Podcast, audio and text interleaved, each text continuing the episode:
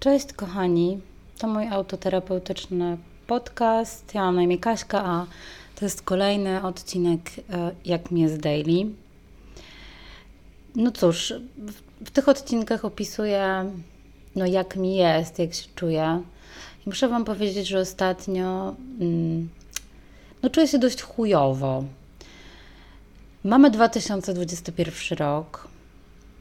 Impreza sylwestrowa była dość huczna, niespodzianie, ale czuję się jakoś nieswojo. Czuję się trochę, jakbym była w jakiejś próżni, w jakiejś pustce. Nie jest mi ani bardzo dobrze, ani bardzo źle. Mam jakieś po prostu potworne flashbacki cały czas przypominają mi się jakieś fragmenty tego, co było, tego, co usłyszałam, tego, co do mnie powiedział, tego, jak się zachowywał. To wszystko jest wymieszane z poczuciem winy momentami, bo wyrzucam sobie cały czas, że jak mogłam być tak głupia, żeby w to wszystko wierzyć i żeby w to wejść. Y, a temu wszystkiemu towarzyszy lęk, bo jednak mimo wszystko ta sytuacja dla mnie była bardzo, bardzo miła, bardzo fajna, podniecająca, nakręcająca, ekstremalna. Tym się karmiłam. To mnie po prostu to było moje paliwo do życia i, i teraz czuję w sobie taki ogromny lęk, że już przede wszystkim, że nigdy już czegoś podobnego nie będę e, czuła i że to odeszło bezpowrotnie i po prostu tego już nigdy nie będzie, bo ten człowiek odszedł z mojego życia. Um, ale też taki lęk, y, który taki lęk o to w zasadzie, jak będzie dalej wyglądać moje życie, bo skoro e, mamy już czwarty miesiąc od tej sytuacji porzucenia, rozstania się, a ja w dalszym ciągu nie jestem w stanie sobie poradzić z tym, no to jak będzie wyglądała reszta mojego życia? Nie jestem w stanie zamknąć jakiejś relacji, która obiektywnie rzecz biorąc była kompletnie w ogóle bez sensu i była spisana na straty. E, więc jeśli nie jestem w stanie się od tej relacji uwolnić, biorąc antydepresanty, chodząc na terapię, no to czy moje życie już będzie wyglądało cały czas w ten sposób?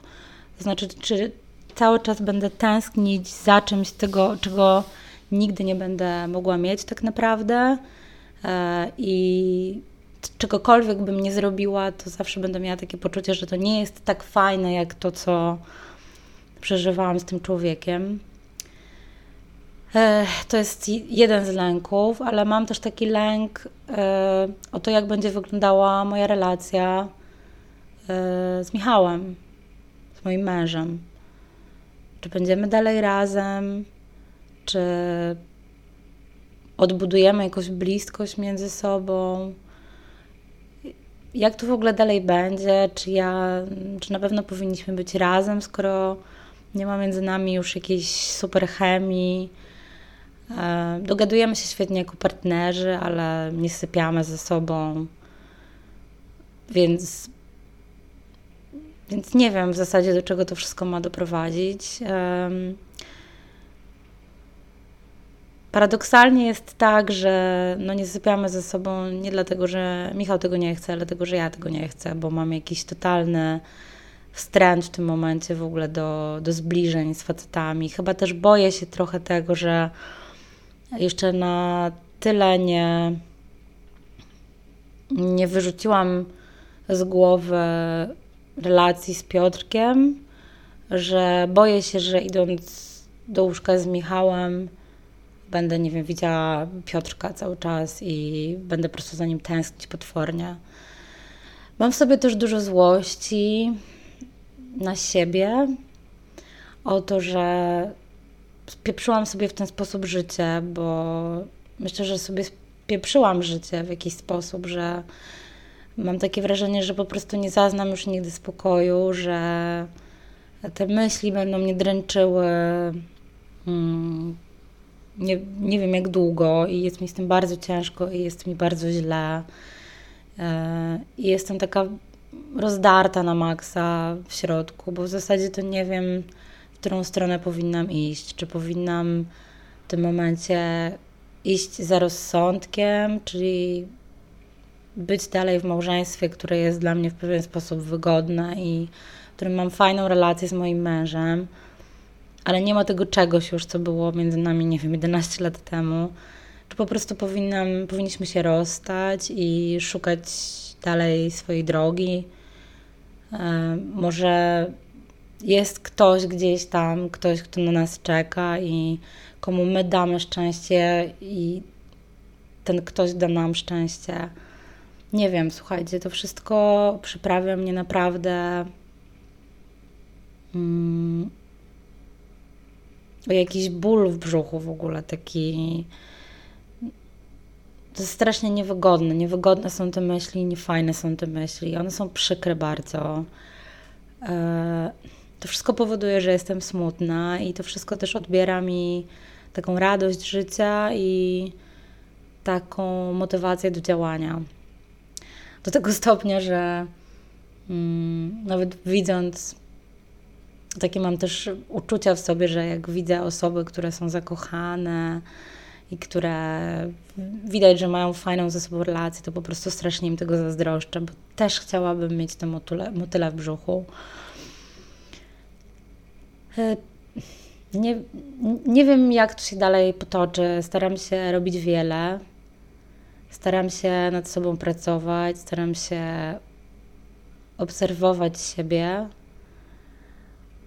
ale nie widzę żeby we mnie zachodziły jakieś bardzo radykalne zmiany. To znaczy, jakieś zmiany na pewno zaszło od momentu, kiedy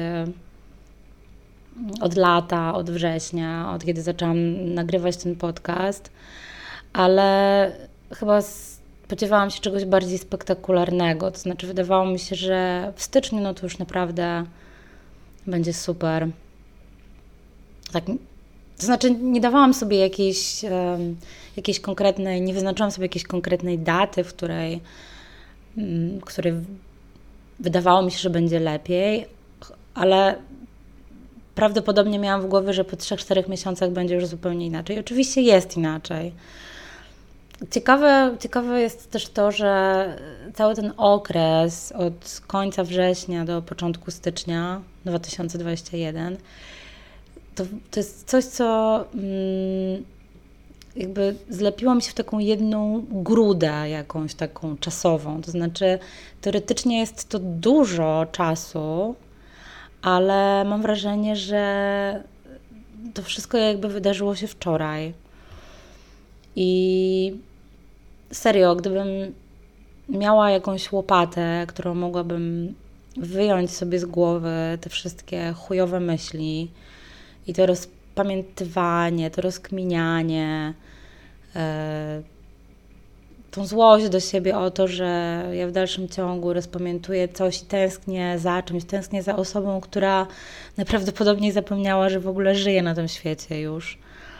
Mm, to jest naprawdę, jest to potwornie, potwornie męczące i rozdzierające i ale z drugiej strony myślę też sobie, że gdyby nie to, że mam rodzinę i pracę, to myślę, że byłoby ze mną dużo gorzej. Ale jeszcze z innej strony bardzo męczące jest to, że nie mogę o tych wszystkich swoich bolączkach na przykład pogadać z moim mężem, no bo przecież nie porozmawiam z moim mężem o tym, że tęsknię za kochankiem.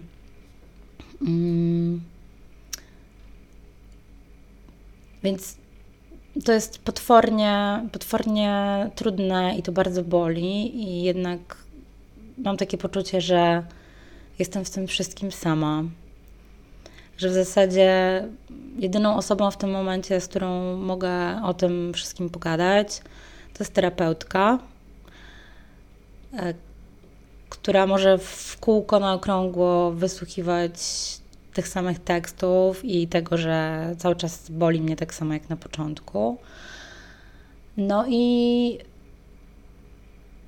I cóż, no i nieliczne w zasadzie już z moich kumpel, ponieważ myślę, że pewnie moi znajomi mają już dość tego gadania o tym, jak mi jest źle i tego, że tęsknię i tego narzekania, chociaż staram się naprawdę nie narzekać i staram się robić, tak jak powiedziałam, dużo dla siebie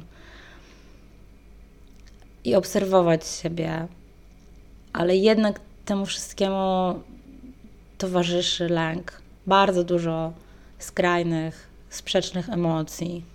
Z jednej strony chciałabym być sama, z drugiej strony wiem, że samej byłoby mi bardzo źle, że dołożyłabym sobie jeszcze jedno, powiedzmy, rozstanie, które byłoby dość trudne i które prawdopodobnie też po fakcie bym bardzo roztrząsała i przeżywała.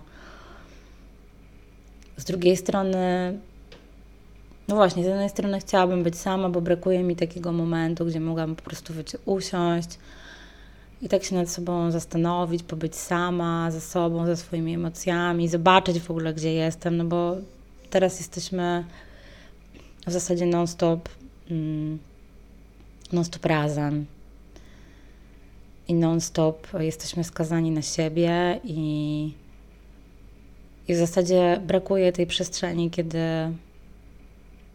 kiedy moglibyśmy pobyć sami ze sobą. Smutny dzisiaj ten, ten odcinek, wiem. Pewnie czujecie, że mam niewiele energii w sobie. Mm. Nie wiem, nie zmuszam się na razie do tego, żeby wykrzesać z siebie coś więcej. O 12 jestem umówiona u mojej ukochanej fryzjerki Joli, która od lat robi mi włosy. Więc może po tej wizycie, może po tym wszystkim poczuję się trochę lepiej, bo z Jolką zawsze mi się fajnie gada, chociaż mamy totalnie inne, mm, inne spojrzenie na świat. Mm, no nie wiem, zobaczymy. Tymczasem pozdrawiam Was serdecznie, a na koniec jeszcze chciałabym Wam bardzo, bardzo polecić książkę, e, która nazywa się Kurs e, na ulicę Szczęśliwą. Autorem tej książki jest e, Bartek Garducki. Ja na tą książkę trafiłam w ten sposób, że jeden z moich znajomych polecił ją u siebie na fejsie i w ten sposób, że to jest książka napisana przez jego kumpla. Mm, no i jakoś mnie to zainteresowało, bo Bartek zazwyczaj poleca, znaczy Bartek polecił Bartka, tak? Czyli mój znajomy Bartek polecił Bartka Gardockiego, czyli autora książki. Więc Bartek, mój kolega, zazwyczaj poleca fajne rzeczy, więc pomyślałam sobie, że zobaczę, co to jest i no i zamówiłam, przeczytałam najpierw krótki, krótkie streszczenie, e, zamówiłam i okazało się, że książka jest po prostu mega. To jest zbiór reportaży w zasadzie chłopak przez 5 lat w tym momencie już jeździ, autor książki e, jeździ na taksówce. E, wcześniej pracował w korpo, rzucił korpo, zaczął jeździć na taksie e, i no, spisał wiele bardzo ciekawych historii swoich pasażerów. Wszystko dzieje się w Warszawie, w Warszawie nocą często. Bardzo ciekawe ciekawy reportaż. Znalazłam tam wiele mm, takich opisów, które w zasadzie dotyczą mnie bez, bezpośrednio. Jest tam też dużo, dużo opisów e, Muranowa, czyli dzielnicy, w której mieszkam, więc to tym bardziej jest dla mnie interesujące. Więc serdecznie polecam, naprawdę. Ja tę książkę po prostu połknęłam praktycznie w jakieś trzy dni. Polecam i no i, i cóż, i, i zostawiam Was z tym. Pozdrawiam Was w ten deszczowy dzień i do usłyszenia.